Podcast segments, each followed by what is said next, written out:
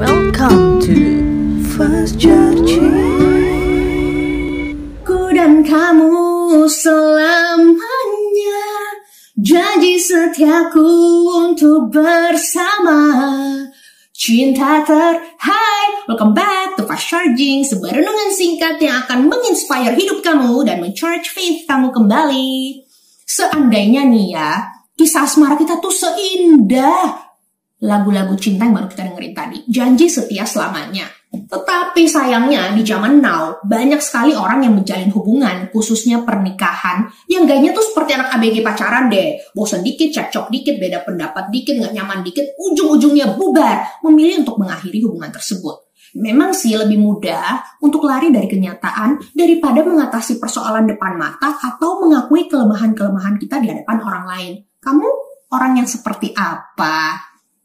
Apalagi nih yang udah punya hubungan bertahun-tahun, pasti dong mulai merasakan perubahan dalam diri pasangannya atau melihat ternyata selera kita nggak sama ya. Oh satunya bicara satu, satunya bicara sepuluh, satunya hobi spending traveling, satunya hobinya hemat, satunya suka ngeksis keluar rumah, satunya lebih diem nonton TV di rumah.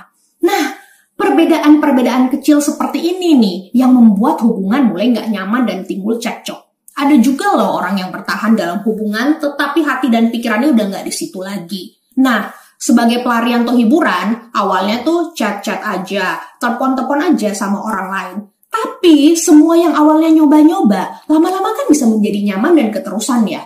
Sebagai anak-anak Tuhan, kita diajarkan untuk menjaga kesetiaan dan komitmen kita, apalagi dalam hubungan pernikahan. Seperti di bacaan Injil hari ini, di mana ketika manusia itu bersatu, mereka bukan lagi dua, melainkan satu, dan apa yang sudah dipersatukan Allah tidak dapat dipisahkan oleh manusia. Suatu relasi yang sukses tentunya membutuhkan komitmen yang besar untuk mempertahankan itu juga ada pengorbanan dan harga yang harus dibayar, termasuk waktu, tenaga, uang, harga diri, bahkan perasaan kita. Mari kita berdoa kepada Tuhan supaya kita diberikan kekuatan untuk mempertahankan relasi kita saat ini. Dalam nama Bapa dan Putra dan Roh Kudus. Amin.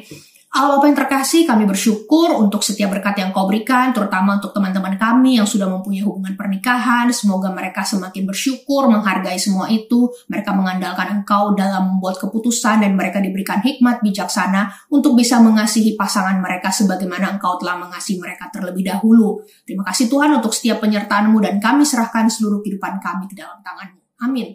Bapa dan Putra dan Roh Kudus. Amin. Dan dapat motivasi lain seperti ini, nonton aja The Movie Day setiap hari Rabu jam 7 malam WITA di Instagram, Zoom, and YouTube JSM Makassar.